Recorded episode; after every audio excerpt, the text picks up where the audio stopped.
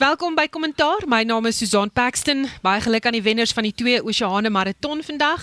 Die uh, wenners wat uh, die dit beklink het, die vroue Gerda Steyn wat gewen het en die wenner van die mansafdeling was die Ethiopiër Edendal Belachu. Dit is 'n goeie manier om 'n Sondag te begin. Ons sluit hom af op 'n hoogtepunt met kommentaar. So my gaste vanaand is professor Pieter Dievenage, dekaan Geesteswetenskappe by Akademia, Dr. Harlan Kloete, navorsingsgenoot by die Departement Openbare Administrasie en Bestuur by die Universiteit van die Vrystaat Vrystaat en Gert van der Westhuizen Netwerk 24 se meningsredakteur. Goeienaand julle. Goeienaand Susan. Goeienaand. Ons begin Daar sê ons begin die program met die hartseer nuus van die afsterwe van Rhoda Kedalia. Sy was 68 jaar oud en haar familie het op Facebook aangekondig dat sy gesterf het. Sy het longkanker gehad. Sy was 'n groot stryder vir menseregte en anti-apartheidsaktivis. Harlan jou gedagtes. Jy weet ja, e, ek het ook met skok kennis geneem van die dood van uh, Rhoda Kadali, een van haar familielede was saam met my op hoërskool.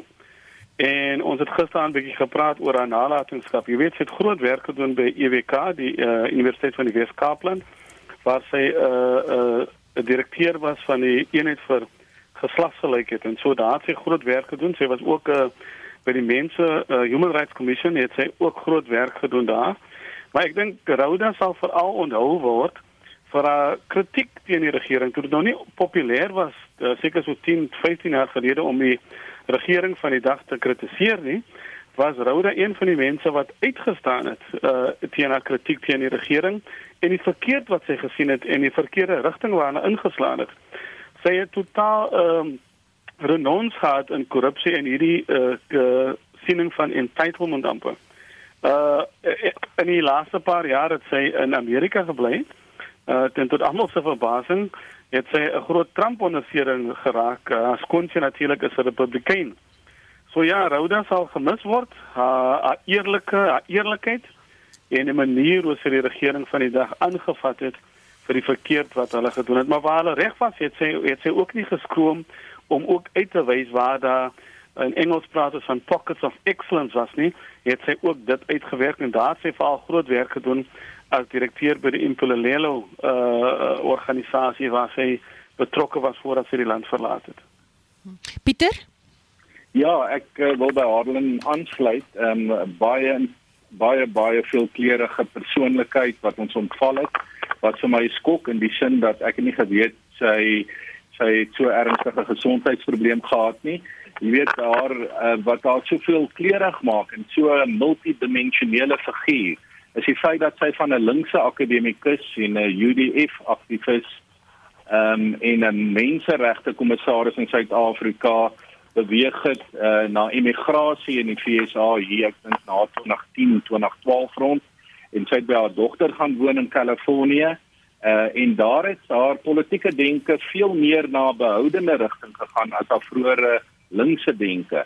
En uh haar skoonseun is self 'n uh, uh weet 'n republikeinse ehm um, jy weet aktief in die republikeinse party in Amerika Joe Pollock maar gelukkig het hy die afgelope paar jaar onderhoude met haar gevoer en 'n tipe politieke biografie van haar saamgestel.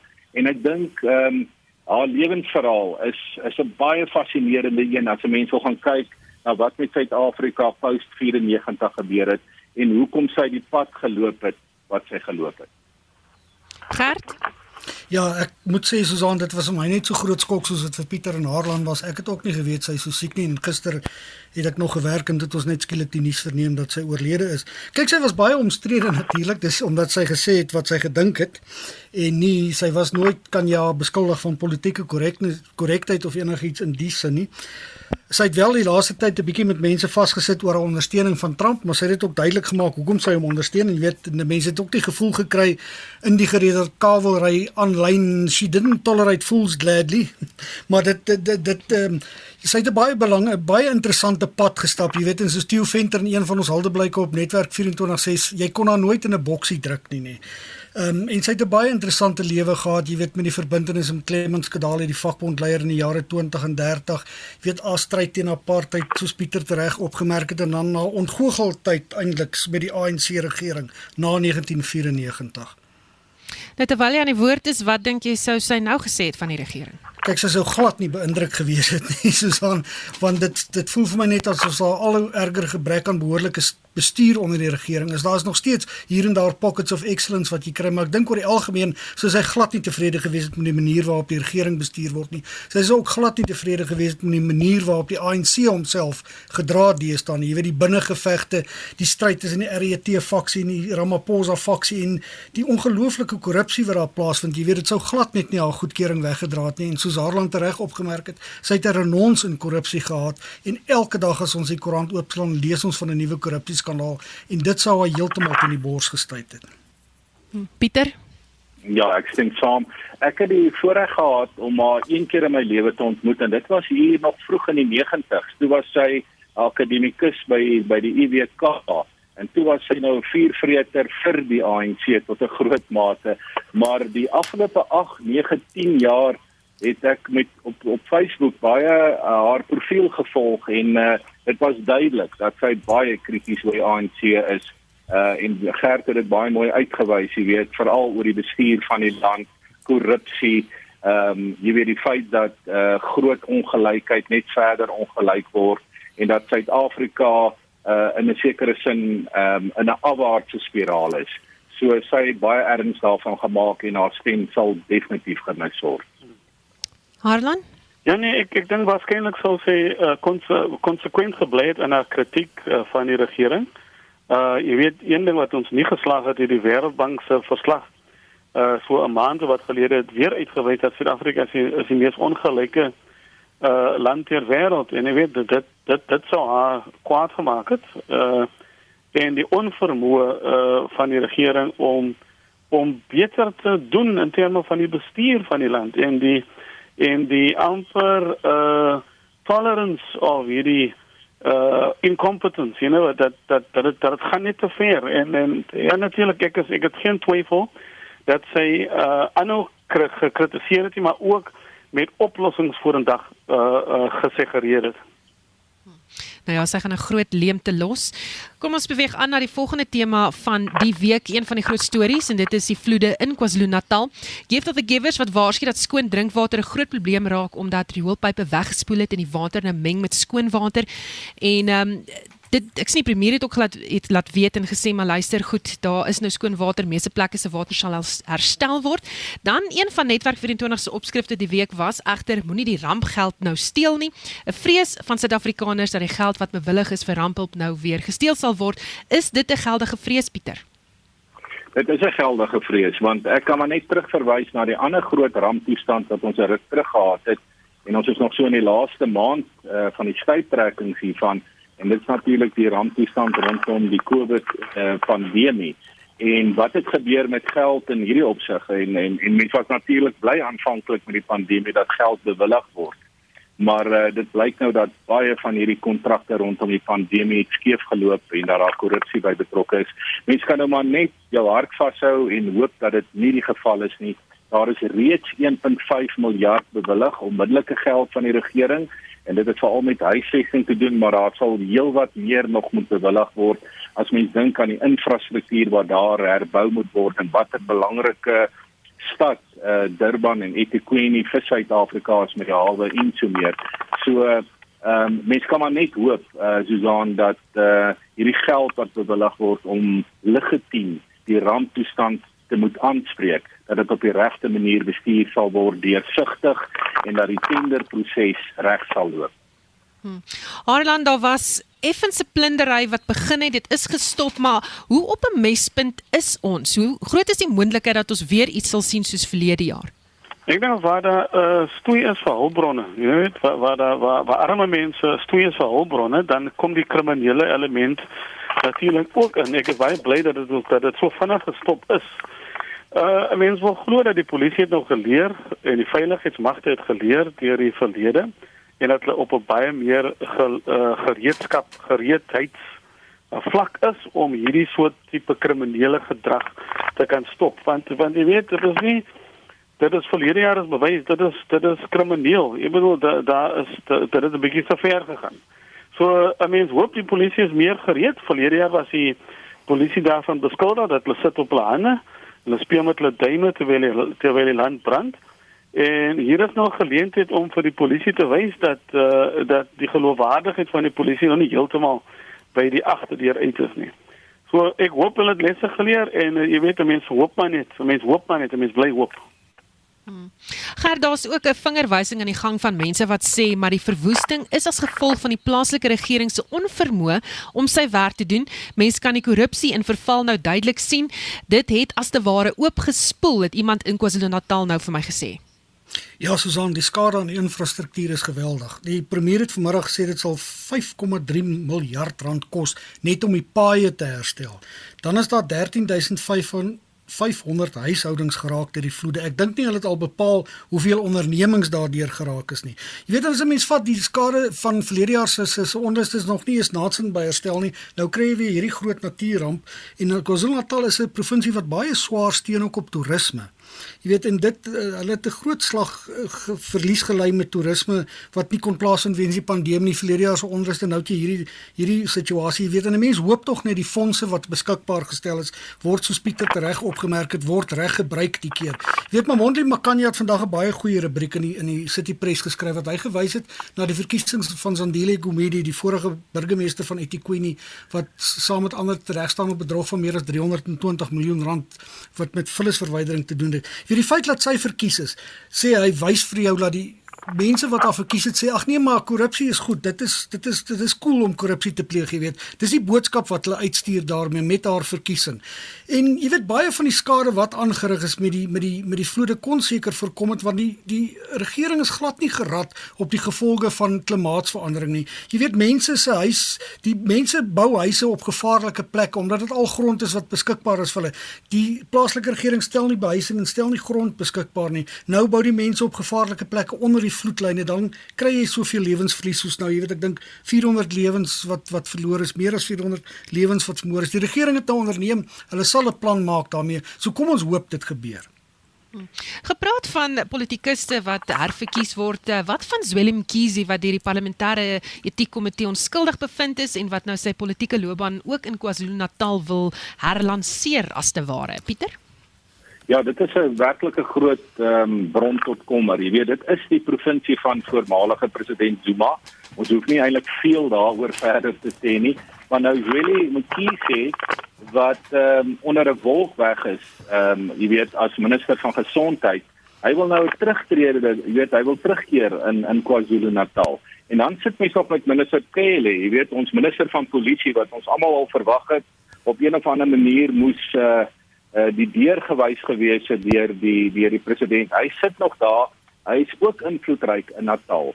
En dan het Gert verwys ook na die voormalige burgemeester uh van Itequeni wat lyk my nou ook 'n terugkeer maak en baie gewild is steeds ten spyte van 'n enorme klomp sake van korrupsie teen haar van Dile Gumede.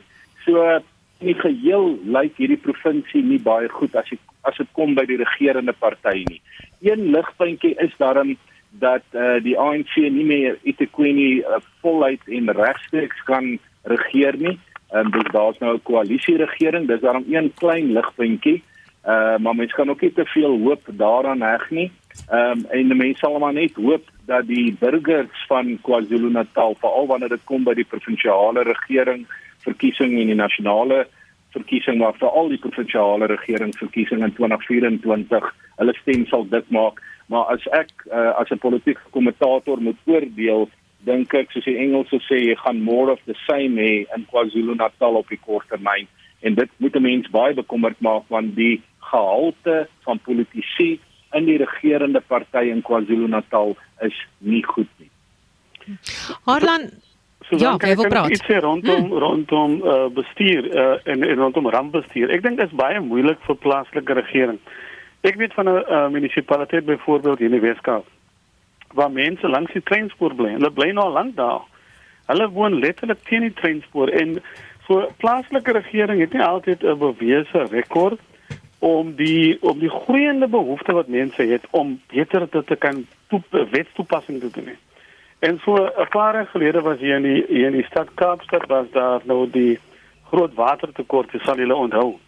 Een van die burgemeesterskomitee het gesê hulle vra vir haar, "Maar nou hoe hoe, hoe nou hier gemaak?" En en die en die respons was, Hoe beplan ons vir iets wat ons nie seker is gaan gebeur? So beplanning is 'n is is is uit, uiters belangrik dat ons beplan vir hierdie klimaatsveranderinge. Daar gaan weer sulke rampe weer, weer sulke vloede en plaaslike regering moet sê rampbestuur dink ek as dit nou uh, in Engels praat van 'n wake up call is die vermoë van plaaslike regering om beter rampbestuur te doen uh, moet uh, meer aandag geniet uh sodat ons meer voorkomend is in steede van reaktief.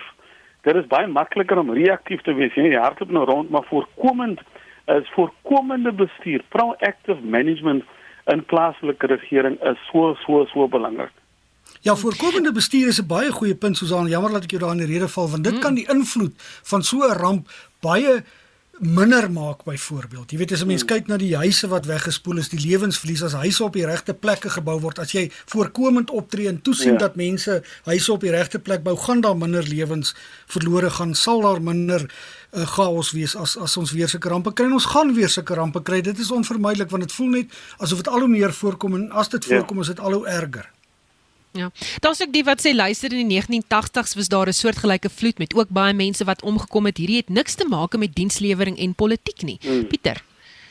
Ja, nee kyk, um, mens kan op daai argument terugval, nê, uh, dat ons weet uh, KwaZulu-Natal is uitgelewer aan ehm um, jy weet ehm um, ernstige weerpatrone. Dis dalk die die een provinsie in die land waar die swaarste gebuk gaan oor die gevolge van siklone, jy weet wat uh, gewoonlik oor die Indiese Oseaan aangetref word en hulle self meestal uitwoed voordat dit by KwaZulu-Natal is, maar baie keer gebeur dit nie. En ons weet die die die ernstige vloed wat daar was in 1987, jy weet ons praat nou van 400 mense wat uh, tragies oorlede is en mense dink aan hulle naasbestaandes.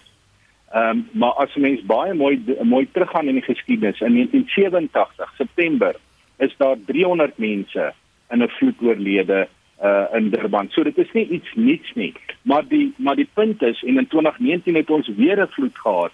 Die punt is gewoon net dat 'n goeie regering vandag moet na al hierdie patrone kyk. Hoe lyk die weerpatrone en hoe lyk die infrastruktuur en die rampbestuur van 'n stad soos uh, Durban? En dit moet hoog op die prioriteit wees van die plaaslike bestuur, jy weet, eThekwini, maar ook die provinsiale uh, bestuur of die provinsiale regering in KwaZulu-Natal. En ek moet ek kry 'n gevoel ten minste en daar wil ek by Harlan aansluit dat die polisie en die weermag beter lyk my in beheer is van die dinge op grond. Daarom het mens nie hierdie groot stropings uh, wat verlede jaar gehad het nie. Maar 'n ander ding wat ontbreek het byvoorbeeld was behoorlike helikopterhulp van die weermag wat wat klaar blyklik ontbreek het. So daar's nie die tipe van koördinering en die tipe rampbestuur uh, wat die mense wou hê nie en uh, alhoewel um, die mense wat uh, en, en ook die regeringsinstansie wat hulle bes probeer kry mense gevoel dat bestuur steeds op hierdie vlak ook nie goed is nie. Net so op 'n laaste noot uh, van hierdie organisasies wat ingespring het om te help het nou gesê dat die onluste verlede jaar hulle gehelp het om nou te kan help want daardie roetes na die gemeenskappe in die provinsie is klaar daar gestel. So iets wat van 'n silwer randjie aan die donker wolke wat oor KwaZulu-Natal hang, Harle. Beslis ja, ek dink wat wat vir my wat my opgeval het vandag wat ek gelees het is dat Gift of the Givers byvoorbeeld alle infrastruktuur staan gereed Hulle son om te skrom en ek weet die die vertroue wat mense het in daardie organisasie byvoorbeeld sê baie. Hulle sê hier is ons bankrekening, as jy 'n skenking maak, betaal hier in. En so alom meer sien mense dat die vertroue in regering is besig om te sak. Gift of the givers het iemand op 'n eendag op Facebook gesê, hierdie man Imtas moet eintlik die uh, Nobelprys gekry het. So die vermoë om infrastruktuur op die grond te bestuur is sekerlik nou in die hande van civil society ook in in hierdie organisasie. Hoe hulle saam met regering saamwerk is 'n is 'n is 'n ander storie. Hmm. Gert, laaste gedagte?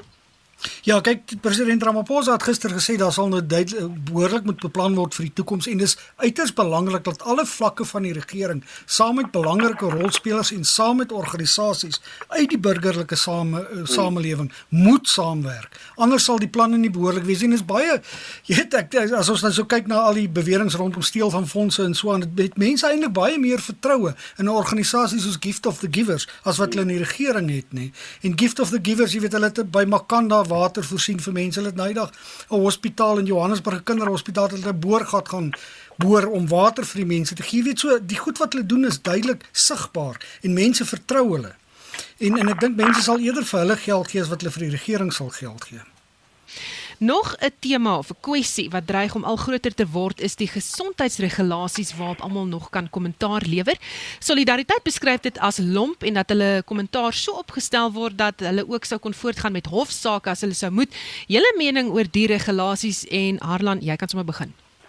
Weet jy Susan, ek dink eh, enige regulasies uh dit vra vir publieke deelname. Regulasies sê hoe regering dink oor oor 'n bepaalde aspek en mense moet dan aangemoedig word vir al organisasies. Ek dink wat Suid-Afrika red nog dat ons 'n baie sterk burgerlike samelewing, sterk organisasies met sterk menings. En so ek dink dit is die dit dit dit is die eerste uh geleentheid wat Suid-Afrikaners het om te sien hoe regering dink oor 'n bepaalde saak. Natuurlik om te regeer, gaan die mense dit vir jou in in in dit teen dit is. Wat ek nou gelees het oor die, die afgelope naweek is dat die dat die science, die medisy het 'n sterk opinie uh, en voel dat dit is miskien bietjie te ver gevat, dit is drakonies. Maar die Afrikaners het die geleentheid om hulle insette te lewer. En natuurlik weet jy as hulle nie gelukkig is kan elke wetgewing, dit is hoekom ons so uh, die konstitusie het daar, die konstitusionele hof dat dat hierdie wetgewing moenie inbraak tot mense se se regte nie. En so vir my is dit 'n geleentheid of wat nou reg of verkeerd is, Suid-Afrikaners moet deelneem aan hierdie nasionale sport nasiebou en hulle mening gee. En die die die insette, jy weet ons het ook nie 'n baie sterk rekord vir vir mense wat insette gee nie. Ek gaan een voorbeeld gee. Munisipaliteite byvoorbeeld is nou besig met hulle IDPs waar waar mense hulle mening moet gee. Suid-Afrikaners het 'n traag by die agterge houding in die munisipaliteit waar ek woon 2 jaar gelede was daar 15 kommentaar uit 'n uit 'n uit 'n populasie van plus minus 300 000. So ek wil Suid-Afrikaners aanmoedig hier vanaand om om te lees om hulle insette te gee en toe te sien dat dat hulle dat dat hulle deel maar van die proses van beleidsmaking. Gert? Ja, dis baie belangrik wat Harlan daar sê. Jy weet mense moet absoluut deelneem aan die proses. Dit is so belangrik. Lees, kry soveel inligting soos moontlik en sê jou sê. Jy weet ek dink dit is baie moeilik vir die regering. Ek dink Ek is baie bly ek was nie in die regering toe die COVID-19 pandemie uitbreek nie. Jy weet want hmm. dwars deur die geskiedenis van die mensdom is jou eerste neiging maar as so iets gebeur, trek saam sonder jou af, bly in jou huis en kyk dat dan nie goed van buite af binne kom nie.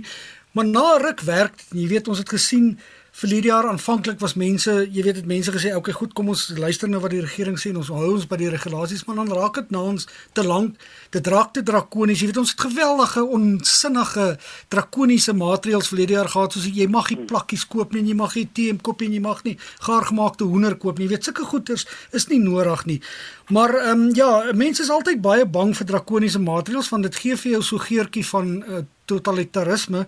Jy weet en ek sien baie lande het ook verlede jaar en die jaar voor dit het hulle van die geleentheid gebruik gemaak om politieke uh, onder, teenstanders ook te onderdruk met COVID maatreëls. So dis uiters belangrik dat mense hulle sê sê jy weet en van die goed wat genoem word, jy weet soos mense wat in kwarantyne is eh, wat nie by die huis wil uh, hulle onder uh, onder um, isolasie bly nie. As hulle nie 'n goeie rede kan gee vir die departement van gesondheid kan die departement van gesondheid hulle dwing om na 'n staatsinstansie toe te gaan om gemonitor te word. Jy weet dit herinner 'n mens baie aan wat besig is om vandag in Shanghai in China te gebeur. Jy weet waar mense gedwing word om sulke goed te doen waar die polisie ingespan word om mense te dwing om sulke goed te doen en dit is nie 'n baie goeie teken nie, nie.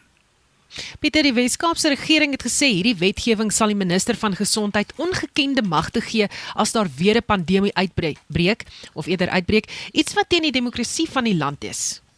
beslis. Kyk, um, ek wil by Gert aansluit in sy China voorbeeld. Weet jy, Susan, wat my interesseer en ek het nie enige kommentaar in die koerante dit die afgelope naweek raak gelees nie, is wat is die internasionale situasie rondom ramptoestande en die gesondheidsbeleid van lande? En ek wonder waar het die debat in die ANC ontstaan, hè? Dat uh, dat uh, dat ieweskielik spoeg en plak die amptenare uh, die regsgeleerdes uh, van die regering al goed uit die ramp uh, jy weet die ramp uh, omstandighede en hulle hulle plak dit in in in die departement gesondheid. Jy weet um, wie sit hier agter? Wat is die internasionale voorbeelde uh, jy weet het Kiba sulke tipe van ehm um, uh, wetgewing gesondheidswetgewing of China en en en die voorbeeld van China is nou genoem. So ek dink ons sal moet 'n bietjie gaan kyk wat is die beste praktyk internasionaal en hierdie wetgewing is dit beslis nie. Ek is baie sterk voorstander daarvan dat rampstoen uh, ramptoestand maatreëls uiters versigtig gehanteer moet word en en net in die uiterste uh, omstandighede. Gesondheidswetgewing is eintlik 'n uh, deurlopende praktyk. Dit is 'n beleid wat die heeltyd die regering se beleid rondom gesondheid struktureer. En jy kan nie daar ramptoestand regulasies sommer net goed skik in inskuif nie. Jy weet, en daarom is ek baie bly dat daar nou 'n periode is, jy weet, dat mense kommentaar kan lewer, ook soos Harlan gesê het. Ek is net bekommerd dat uh, wanneer die periode eindig hier einde April, is daar omtrent net 2 weke voordat die wet uitgevaardig wil word. En hoe gaan die regering ehm um, duisende indien nie 100 uh, jy weet 100 000 versoekskrifte van burgerlike organisasies, van partye, van gesondheidsorganisasies, van gewone burgers. Ehm um, gaan hulle die tyd hê uh, om daar al daai dinge deur te gaan want lyk my hulle is baie haastig om hierdie wet uh, deur die parlement te stuur, maar dan kan ons geweldige hofsaake verwag en weer eens is dit die moeite werd. Moet ons ons energie nou op hierdie dinge fokus terwyl ons sien wat in KwaZulu-Natal gebeur terwyl daar soveel ander knelpunte binne Suid-Afrika is die mynbou is in 'n in 'n geweldige problematiek. En nou moet ons weer al ons energie hier fokus um, en ek vind dit baie jammer. Arlan hoekom dink jy is die tydperk vir kommentaar uitgestel Ek dink omdat dit so uh it is such a contested area. Daar is Suid-Afrikaners het het sterk menings. Ek dink die regering was verlede jaar jy is al weet dat die met die die op die opheffing van die ehm uh, ramptoestand. Suid-Afrikaners het sterk opinies rondom dit. Daar was 'n sterk gevoel uh, verlengerd dat het gesê dat dit sal moet al lank al geëindig geword het. Maak die ekonomie oop. En so uh, ek dink dit om vir elke Suid-Afrikaner 'n geleentheid te gee my kommer is dat die gewone Suid-Afrikaner gaan nie dit lees nie jy, jy weet so so so die organisasies die organisasies die burgerlike organisasies uh munisipaliteite en hierdie tipe en en, en sulke entiteite moet moet kommentaar lewer. Uh regering om te regeer ons wat die tipe demokrasie wat ons het is die alnemende demokrasie. En so ons moet 'n uh, manier ook kry dink ek van regering. My uh standpunt is dat ons moet 'n manier kry om dit wat voorgestel is ook aan die gewone mense in 'n taal wat hulle kan verstaan bekend te maak en so insette te kry.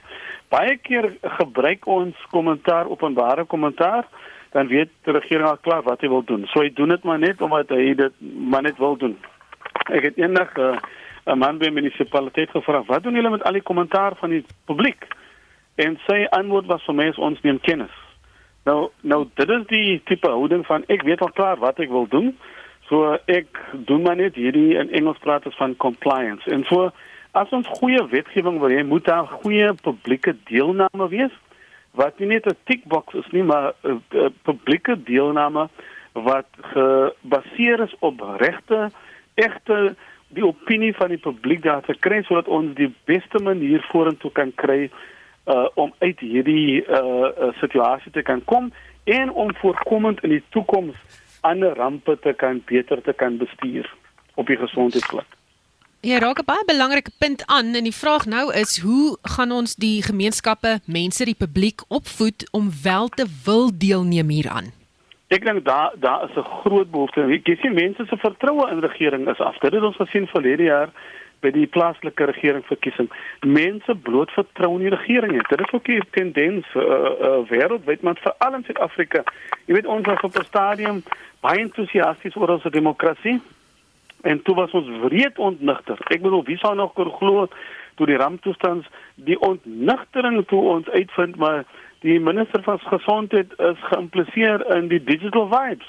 Ek wil dit was soos 'n emmer kouer water op Suid-Afrikaners se gesigte. So die vertroue in regering, die vertroue in staatsinstellings om om om ons vorentoe te kan vat. Dit is op 'n I think it's at an all-time low. Die die die en so regering sal baie baie meer moet doen om die vertroue van mense te wen. Een ding wat hy kan doen is, is om beter te kommunikeer.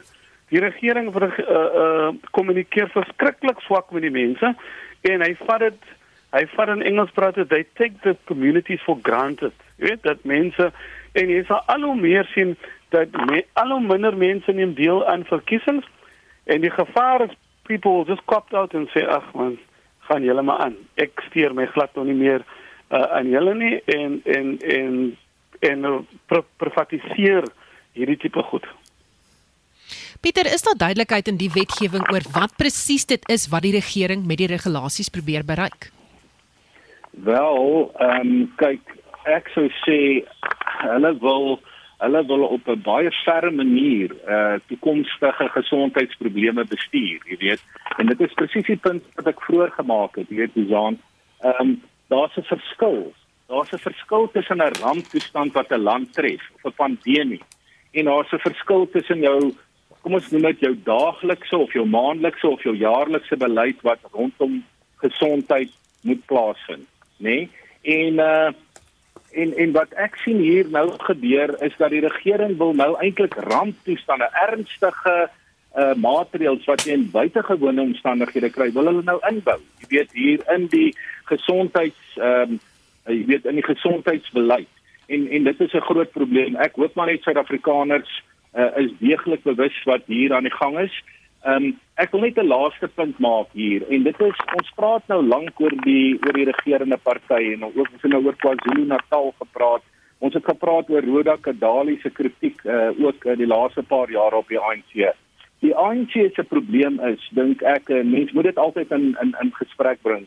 Ehm um, het 'n bepaalde ideologie. Hulle het 'n lewensbeskouing of 'n uh, wêreldbeskouing hoe hulle die hoe hulle die wêreld sien. En ek is bevrees daardie ideologie is iets pre-94, is iets van die koue oorlog. Jy weet as mens ook kyk na hoe ons stem in die VN en daai tipe ideologie um, is 'n tipe ideologie wat net eenvoudig nie meer gerad is vir 'n middelinkomste redelik gesofistikeerde land wat op hoogs professionele manier bestuur moet word nie. Al die goed waaroor ons nou praat is eintlik massiewe leemtes tussen die ideologie van die regerende party en hoe daai ideologie elke keer op die praktyk afgedruk word of dit nou werk of nie. Agter hierdie gesondheids ehm um, wetgewing, mens kan nou maar redeneer soos jy wil, is eintlik iets van 'n staatssentralistiese autokratiese nik van die regerende party wat eintlik uit die ou Sowjetunie uit 1994 kom en die regerende party sal moet besef hulle bestuur 'n hoogs komplekse land in die jaar 2022 en dat as die kiesers nie gaan regop sit by 2024 hieroor nie, dan is ek baie bekommerd waarheen ons is op pad is onder hierdie regerende party. Gert, Harlan, ek gaan net vir julle vra om te reageer op op Pieter se indrukke. Gert? Ja, kyk ek dink uh, Pieter het 'n paar goeie punte daarbey. Die regering neig soms te, te veel na sentralisme toe en Harlan het 'n baie goeie punt gemaak van die mense vertrou nie met die regering, maar dit lyk of die regering ons nie meer vertrou nie. Jy weet, veral met hierdie eh, voor, voorafgaande 2 jaar, het dit baie keer gelyk of die regering ons nie in sy vertroue wil neem nie of hy goed agteraf besluit en dan ons daarmee konfronteer. Jy weet, ek dink daar het daar 'n geweldige gaping ontstaan tussen die mense en tussen die regering. En dis baie sleg dat dit so gaan. En jy weet en, en, en, en daar's 'n oplossing daarvoor, maar soos Harlan gesê het, kommunikasie, kommunikasie, kommunikasie. Praat met my in gewone taal, vertrou my ook om te doen wat jy van my vra as dit 'n redelike versoek is, maar stel dit in gewone taal. Jy weet met verlede jare met die met die met die inperkingsmaatreëls, dit was so erg. Ek weet nie of een enkele mens al die inperkingsmaatreëls verstaan het nie. Nou moet jy 'n polisieman wees en jy het hierdie lang lys van goed wat jy moet toepas, maar geen mens verstaan dit behoorlik nie. Jy weet, dit is baie belangrik. Praat met ons in gewone taal. Laat ons mekaar begin vertrou. Laat ons met mekaar begin praat eerder as wat ons oor mekaar praat. Jy weet as mense kyk het na die res van die wêreld, hulle het ook maar gesukkel met die inperkingsmaatreëls. Dit het beter gegaan in lande soos Nieu-Seeland waar die mense die regering vertrou. Maar toe dit te lank aanhou, toe kom die mense ook in opstand. Jy weet in ja. Duitsland dieselfde. Mense kom ook in opstand. So dis baie moeilik om mense vir 'n onbepaalde tyd, jy weet, af te sonder en ingeperk te hou. So mense moet mekaar vertrou as jy sulke maatreëls instel en ek is bevrees op die oomblik gebeur dit nie in Suid-Afrika nie. Ja. Ek dink ek dink een, een een van die groot soos ek gesê het voor die die digital vibes en die minister van uh gesondheid die voormalige een. Ek dink dit was dit was amper vir die Afrikaners die laaste strooi. Maar ek wil gou terugkom na die ideologiese. Ek dink nie die ek dink die periode van ideologie binne die ANC is lankal verby. Ek dink dit is 'n uh, is 'n kwessie van uh die faksies te mekaar en die hele in Engels praat ons van patronage you know wat wie as ek in beheer is ek het enige boek gelees ek het nou die naam vergeet maar dit die die boek se titel is it's our turn to eat. En en dit praat oor die Kenia die Keniaanse uh ervaring van korrupsie en 'n persoon wat toe in in 'n deel van die regering kom en hy besef maar die regering is net so korrup. Ons het groot uitdagings in hierdie land. Armoede werkloosheid. En om die president het dit in sy in sy staatsrede gesê, ons het die beste breine nodig. Ons moet saam staan en sê hoe gaan regering in en in die sakewêreld saamwerk om die uitdagende probleme van Suid-Afrika aan te spreek. Armoede, werkloosheid en ongelykhede. En dat ons almal van society en in Engels praat ons the whole of society approach om hierdie uh aan te spreek. En dit het absoluut niks met ideologie te doen nie. As ons praat van die uh, uh van gesondheid byvoorbeeld, kwaliteit hoë sorg, gesondheidsorg moet die reg wees van elke Suid-Afrikaner. Dit kan nie wees as my tand nou pyn, ek gaan eers oor 2 weke gehelp word nie, maar as ek privaat mediese uh, fonds het, dan gaan dan kan ek onmiddellik gehelp word. Daar's iets onmenslik rondom dit. En vir Suid-Afrikaners, ons moet daarna toe werk. Suid-Afrikaners het hoë sorg gesondheidsorg nodig en hoë sorg opvoeding. Ek kom nou van 'n plaas af hier in Rosenwil. En daar het ek 'n uh, uh, gesien Botha, Botha se gesê skool se naam. Ek wil nog gaan uitvind wat daar aangaan. Wat is die pragtigste skool? En buitekant sit sy daar kindertjies en toe besef ek dat dit is net opvoeding wat daardie plaaskind kan kan laat kompeteer met sy ander uh, mede-Suid-Afrikaners. So ons het 'n groot uitdaging in die gesig en ek dink dit het absoluut niks te doen met ideologie nie, maar saamwerk en saamspan. Die hele samelewing, die kerk, die burgerlike samelewing moet regering ongeag wie in die bewind is op sy tone hou. Hmm. Goed, kom ons gaan weer terug na 'n ander belangrike punt. Dit is mense kan tot die 24ste April nog kommentaar lewer op hierdie gesondheidsregulasies voorgestelde wetgewing.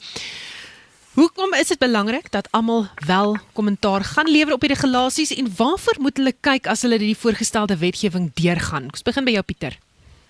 Ja, ek wil net ehm um, uh Susan, as jy ek net so vir 'n oomblik vir Harlan sê dat uh Ek dink nie mens kan ideologie uit die prentjie haal nie. Ek dink baie keer op grondvlak is dit so dat jy nie die ideologie kan raak sien nie. Maar ek dink en dit is my indruk dat die dat die ANC en met dit onthou dit is 'n dit is 'n alliansie nê met die Suid-Afrikaanse Kommunistiese Party en Kusatu. Uh werk nog baie sterk uh, met 'n tipe van 'n 'n tipe sosialistiese uh kom ons noem dit maar ideaal model vir Suid-Afrika. En ek dink net gewoon ehm um, dit is 'n tipe van ideologie wat net glad nie meer werk nie en ek hoop maar net uh, met die koalisiepolitiek en die dinge vorentoe dat die die die die pragmatiek wat ehm um, uh, of die die die die pragmatiese wat Harlan skets op grondvlak ook uh miskien uh, nader sal kom aan 'n toekomstige koalisie wat pragmaties Suid-Afrika ehm um, ja. bestuur en nie ideologies nie. Ehm um, maar maar dit daar gesê uh Susan jou vraag was nou ehm um, jy weet ehm um, wat wat kan wat se kommentaar kan mens nou lewer? Ek dink hier's heelwat, jy weet, ehm um, dit is maar al hierdie belangrike goed wat kom uit die uit die ramp uh, toestand uh kom ons noem dit nou maar gedagtegang dat dat al hierdie ehm um, ramptoestand uh, dinge nie in 'n gewone beleid inge weet ingeskryf kan word wat nou gesondheidsbeleid is nie. En ek dink ons het baie goeie organisasies in die burgerlike samelewing. Ehm um, ek wil nou maar net een noem en dit is dan solidariteit uh, wat uh, wat al reeds 'n dokument van 31 bladsye opgestel het.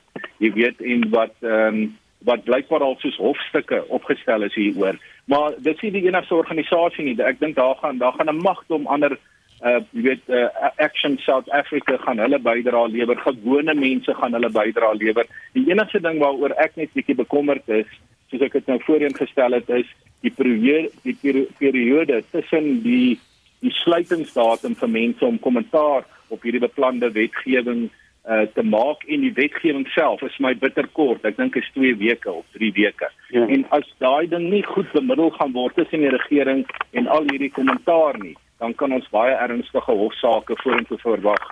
Mense praat van die grootste hofsaake sedert 1994 wat dan vir ons voorlê. Gert Ja, ek sien daar's gelukkig al 150 000 kommentare is al oor die konsepregulasies ingedien. Jy weet maar dit is bitter belangrik dat mense daarna kyk. Hulle moet kyk waar iets wil irrasioneel lyk, waar dit lyk of mag misbruik gaan word, waar dit lyk of daar onnodig inbreuk op hulle regte gemaak gaan word. Jy weet, kom ons maak dit werklik 'n deelnemende demokrasie. Jy weet die vraag is nou net, hopelik luister die regering dan daarna, want as daar een ding is wat die regering duidelik moes besef het uit die voorafgaande 2 jaar, in geval van 'n ramp, kan hy nie alles doen nie. Dit is net heeltemal onmoontlik. Dieselfde nou in KwaZulu-Natal. Die regering alleen kan nie alles regkry nie. Ons het gesien met die inperkingsregulasies toe mense honger gelei het. Toe daar probleme was omdat burgerlike organisasies hulle kos gevat het, toe die regering eers daarteen geskop, maar toe sien hulle hulle kan nie alles doen nie. Jy moet mense gebruik. Jy moet die burgerlike samelewing gebruik. Jy moet ondernemings gebruik wat bereid is om te help en geld oral in te stort. Jy weet, ons gaan dit nou weer sien met KwaZulu-Natal. Praat met almal. Jy kan nie dit alleen doen nie. En, en en ja, dis baie baie belangrik dat daar baie baie beter samewerking moet wees, jy weet. Ons moet bereid wees om saam te werk, maar vir dit om te gebeur, moet ons mekaar eers vertrou en ek dink daai vertroue ontbreek nog. Hmm. Ek dink dat en, en ek dink daardie vertroue, ek het gister gesien toe die in die Durban uh uh strand. Suid-Afrikaners het kom skoonmaak daar. Hmm. Suid-Afrikaners het uit hulle horde gekom, pink, geel, groen, almal het kom saamwerk en dit is wat mense meer wil sien. Ek ek stem 100% hmm. saam met jou met die met die vertroue. My bekommernis is die ander dag toe ek die uh sien die uh, Wêreldbank se verslag oor die ongelykhede. As ons sê dat die kapitalistiese stelsel werk, dan dan ek sê dat dit dat dit val absoluut as jy sien hoe dit uh lei na meer armoede. So wat 'n nuwe stelsel ons het 'n pragmatiese politiek nodig wat sê hoe kry ons die beste mense om saam te werk, die beste organisasies om saam vorentoe te beweeg. Anton Rupert het gesê if they don't eat we don't sleep. En dit is die ideologie. Dit is die pragmatiese benadering wat ons moet hê. Daar's konsensus rondom Suid-Afrikaners. Ons moet vir almal 'n plekjie onder die son gee. Dit kan nie met my goed gaan op my my eiland van goed gaan en ek word omring deur 'n see van ellende nie. En ons Suid-Afrikaners moet deel raak. Die, die regering moet 'n beter manier kry om sy beleidsdenke oor te dra na mense om te hoor hoe mense voel. En geen beter manier as deur jou deur jou munisipaliteite byvoorbeeld nie om meningspeilings daar te kry, maar ons het innoverende, nuwe skepende denke nodig, nie ideologie nie. Dit is ander woorde ek sê of solidariteit of Afriforum of waar daar ook al idees van kom as dit pragmaties is en dit vat ons land vorentoe, dan moet ons kan sê ja. Goed, kom ons beweeg aan na 'n volgende tema of 'n bietjie na die buiteland toe. Rusland en Oekraïne bly in die nuus. Die Oekraïense ambassadeur het die week in 'n video op Twitter weer te velde getrek teen die regering se besluit om nie kant te kies nie en daardeur wel kant te kies. Sy het gesê regerings wil nou aan die regte kant van die geskiedenis wees. Sy het ook gesê die regering weier om haar te woord te staan oor die kwessie. Dirko het toe nou nie op hom laat wag nie en ook op Twitter terugbeklein gesê maar dis nie waar nie. Hulle het haar in Maart wel gespreek. Intussen vra Volodymyr Zelensky om met die AI te praat en Vladimir Putin sê maar nou wil hy ook met die AI praat. Hoekom is Afrika se steun vir Rusland en Oekraïne so belangrik? Pieter. Ja, ek dink dit het baie met die historiese ehm um, jy weet met die met die geskiedenis te doen, met die historiese gebeure. Ehm um, as jy so mooi dink, uh, dan het Rusland en sy vorige inkarnasie, die Sowjetunie, uh, groot hulp aan baie Afrika lande gegee jy weet ehm um, hier in die periode van die koue oorlog. Uh, ek hoef nie in detail daar daar daar in te gaan nie. Ek dink baie van die luisteraars het ook goeie kennis daarvan en ons in Suid-Afrika ook uit die aard van die saak. Ehm um, maar uh, die die interessante is dat Rusland byvoorbeeld het eintlik nie 'n imperiale geskiedenis wanneer dit kom in die laaste 200 jaar in terme van Afrika en Suid-Amerika en sulke plekke nie. Dit is hoekom baie Afrika lande uh jy weet daai aspek ook ehm um, ter harte geneem het na onafhanklikheidswording onder die koue oorlogomstandighede en daar was dan natuurlik ideologiese redes ook baie Afrika lande het aansluiting gevind by die Sowjetunie. Maar om jou vraag nou meer pertinent te antwoord, ek dink uh baie Afrika lande het nog 'n tipe van 'n simpatie met Rusland gegee die wat in die koue oorlog gebeur het. Maar nou is dit so as mens na die feite gaan kyk, jy weet Suzan, het 85% van die Afri Afrika lande nie ehm um, vir Rusland uh gesteun in hulle geweldige ehm um, aggressiewe aanval of inval in Oekraïne nie. Met ander woorde 25 uh, 85% van Afrika lande het buitestemming gebly. Uh, met daai eerste groot resolusie wat eintlik die belangrike een is. Wat baie interessant is, net enkele Afrika lande, ek dink Eritrea en nog so een of twee of drie ander het vir Rusland gestem. En ek dink dit maak die Russe 'n bietjie ongemaklik en en ontevrede want die Russe voel nou gegee uh die Sowjetunie geskiedenis en steun in die ou dae en ook steun na na die val van die Berlynse muur kon Afrika lande sterker vir Rusland na vore getree het um, en en en en en kon uh, die Afrika Unie ook sterker vir Rusland na vore getree het. Dit het nie gebeur direk nie, maar indirek. Deur die feit dat Afrika buitestemming bly, bly steeds 'n morele probleem. En so op 'n manier is daar 'n keuse vir Rusland deur nie vir Rusland uh direk uh te steun nie. Is daar hier tipe van 'n indirekte steun en 'n weiering om die geweldige aggressiewe en oorlogsigtige inval in Oekraïne uh te veroordeel. En ek dink dit staan op die morele rekening van Afrika, die die die uh, Afrika Unie maar ook op Suid-Afrika in die vorm van die regerende party want ons moet onthou gewone Suid-Afrikaners dink anders oor Oekraïne, Rusland as wat die regerende party daaroor dink. Harlan, ek hoor jy het ook ietsie op die hart. Ja nee, ek dink dit is histories. Uh Suid-Afrika, as ek nou kyk, as ek terugvat van die bevrydingsstryd in in baie van Afrika, soos my kollega nou net gesê het, dan amper die sentimentele pro Rusland en sede van die weste. Jy sal nou dat die weste was nie uh Amerika die Reagan en Thatcher en daardie tipe mense het nie was nie baie ondersteunend teen die anti-apartheid beweging nie. En so daar's die sterk sentiment, you know, dat dat Rusland uh, is is vir die onderdruktes en daar is daardie sentiment en so Suid-Afrika se buitelandse beleid word baie keer gekritiseer dat dat dat dit nie konsekwent nie, dit is nie konsekwent in terme van sy menseregte geskiedenis nie.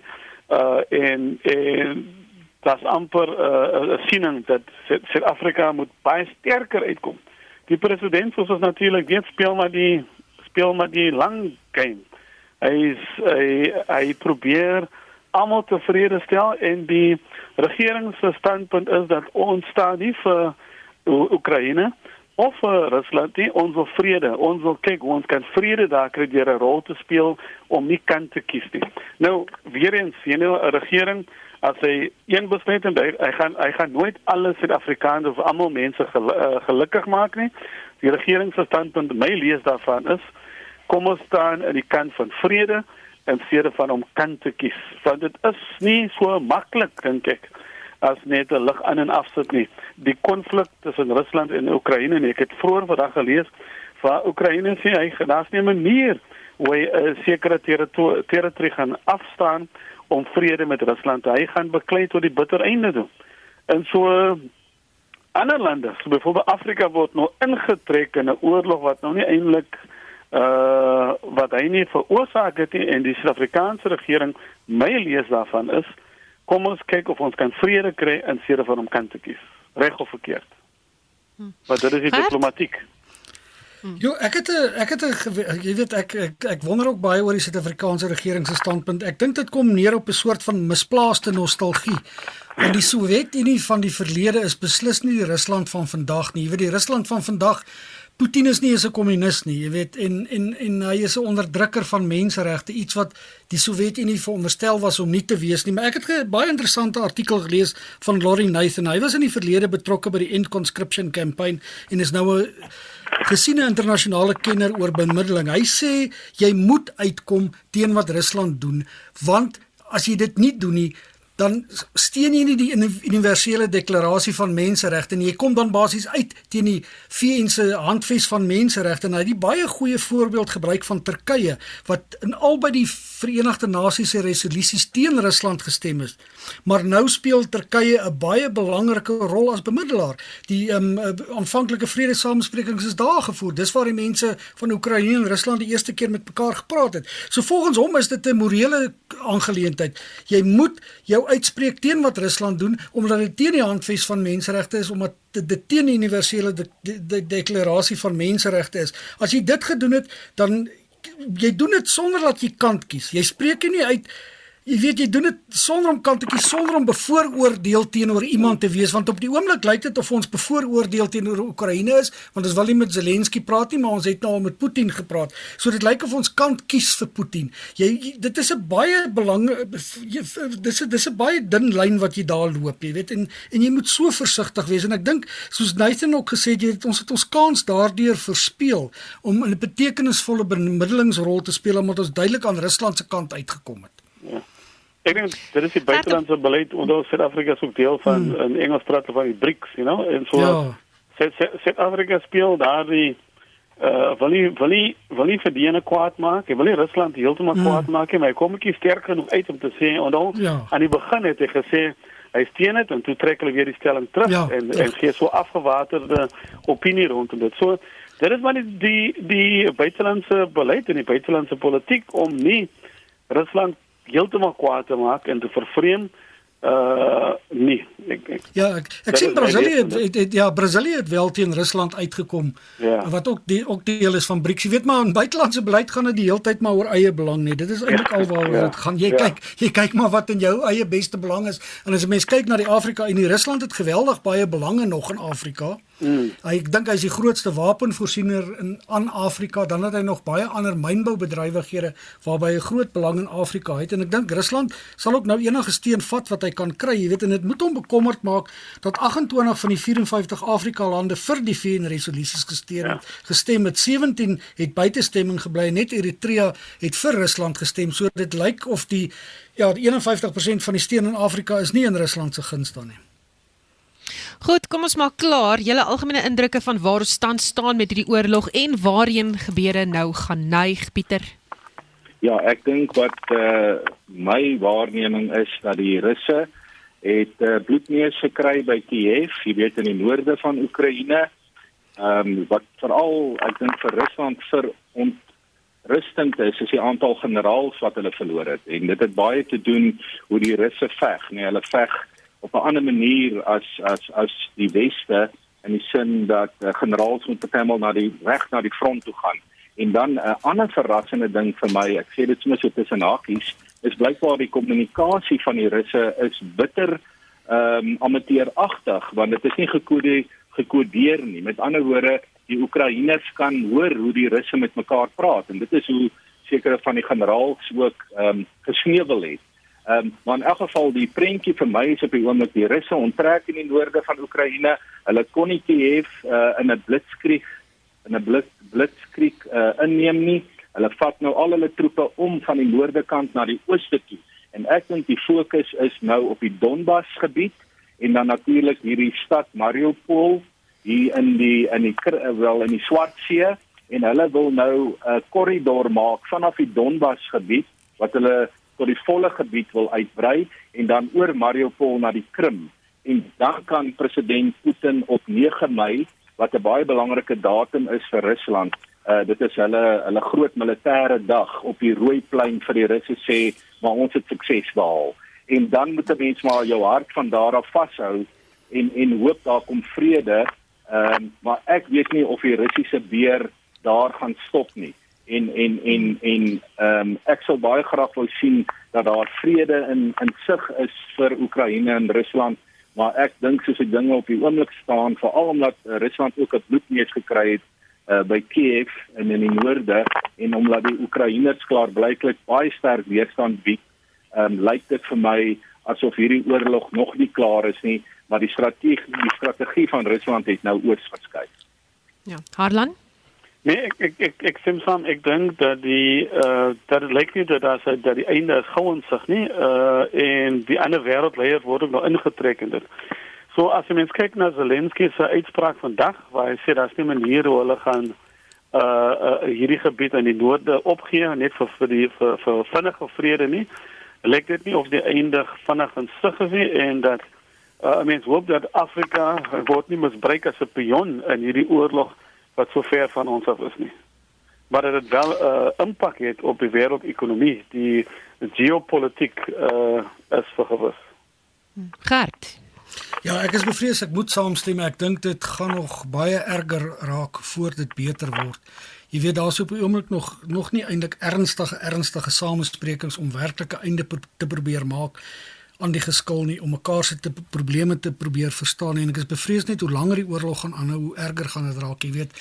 Dan gaan al hoe meer teen burgerlikes opgetree word. Mense hoop nie dit bereik ook 'n guerrilla fase nie want dan gaan dit dan gaan dit baie baie erg raak. Maar maar mense hoop tog net erns kan rede seefuur miskien help die internasionale druk teen Putin om hom anders na sake te laat kyk maar ek dink dit gaan dit gaan net erger raak voor dit beter begin word Baie dankie. Dit was dan kommentaar vanaand. My gaste, soos jy pas gehoor het, Gert van der Westhuizen, Netwerk 24 se meningsredakteur, Dr. Harlan Kloete, navorsingsgenoot by die Departement Openbare Administrasie en Bestuur by die Universiteit van die Vrystaat, en professor Pieter Dievenage, dekaan Geesteswetenskappe by Akademia. My naam is Susan Paxton. Onthou om in te skakel op Monitor môreoggend tussen 6 en 7 vir die jongste nuusaktualiteit.